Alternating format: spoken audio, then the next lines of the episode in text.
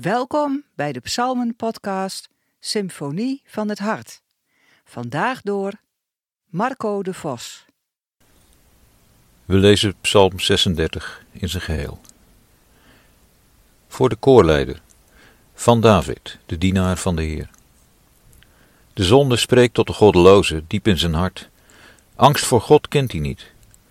De zonde sust zijn geweten in slaap, geen besef van schuld geen afkeer van het kwaad. Hij spreekt woorden van onheil en bedrog en blijft ver van wat wijs en goed is. Op zijn bed bedenkt hij verderfelijke plannen, hij betreedt een verkeerde weg en het kwade verwerpt hij niet. Heer, hoog als de hemel is uw liefde, tot in de wolken reikt uw trouw. Uw gerechtigheid is als de machtige bergen, uw rechtvaardigheid als de wijde oceaan. U, Heer, bent de redder van mens en dier. Hoe kostbaar is uw liefde, God? In de schaduw van uw vleugels schuilen de mensen. Ze laven zich aan de overvloed van uw huis. U lest hun dorst met een stroom van vreugde. Want bij u is de bron van het leven. Door uw licht zien wij licht. Toon aan uw getrouwe, gedurig uw liefde. Aan de oprechte van hart uw gerechtigheid. Laat de voet van hoogmoedigen mij niet vertrappen. De hand van goddelozen mij niet verjagen. Daar liggen zij, die verderf zeiden, gevallen, neergestoten, zonder kracht om op te staan.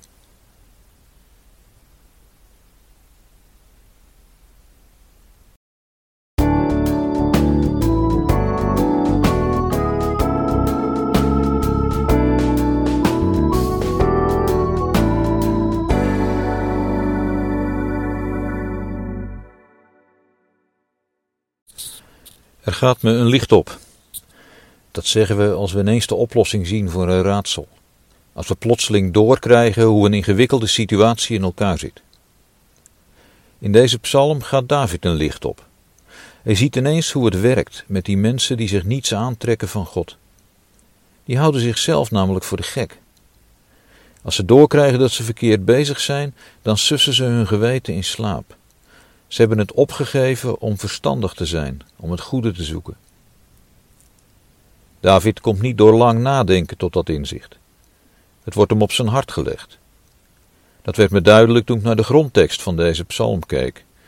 Het eerste woord na het opschrift is het Hebreeuwse neum, een woord dat eigenlijk alleen gebruikt wordt voor een profetische uitspraak. Als ik die eerste versregel letterlijk vertaal, staat er: Uitspraak in mijn hart over de overtredingen van de boosdoeners. Veel vertalingen, ook de MBV, volgen hier de oude Griekse vertaling van de Septuaginta. De boosdoeners zeggen in hun hart. Maar als ik dicht bij de grondtekst probeer te blijven, dan begint deze psalm met een openbaring. Dan gaat David hier een licht op.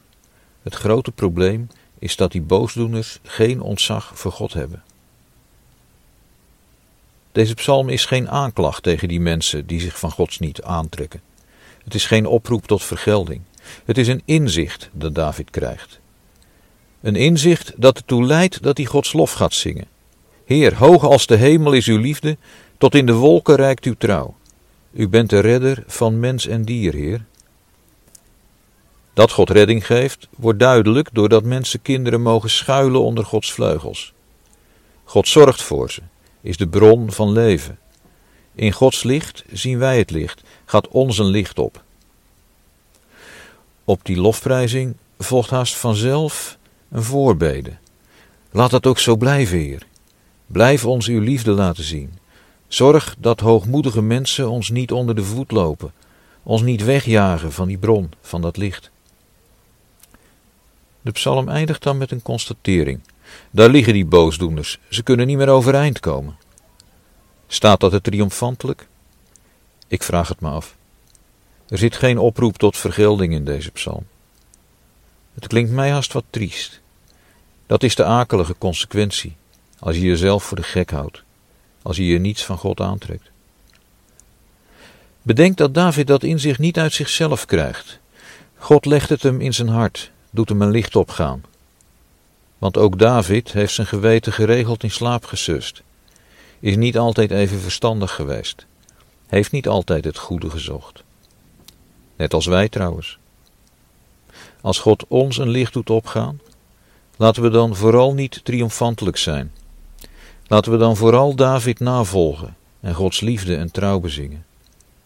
Want als wij ons niets van God aantrekken, trekt God zich gelukkig nog wel wat van ons aan.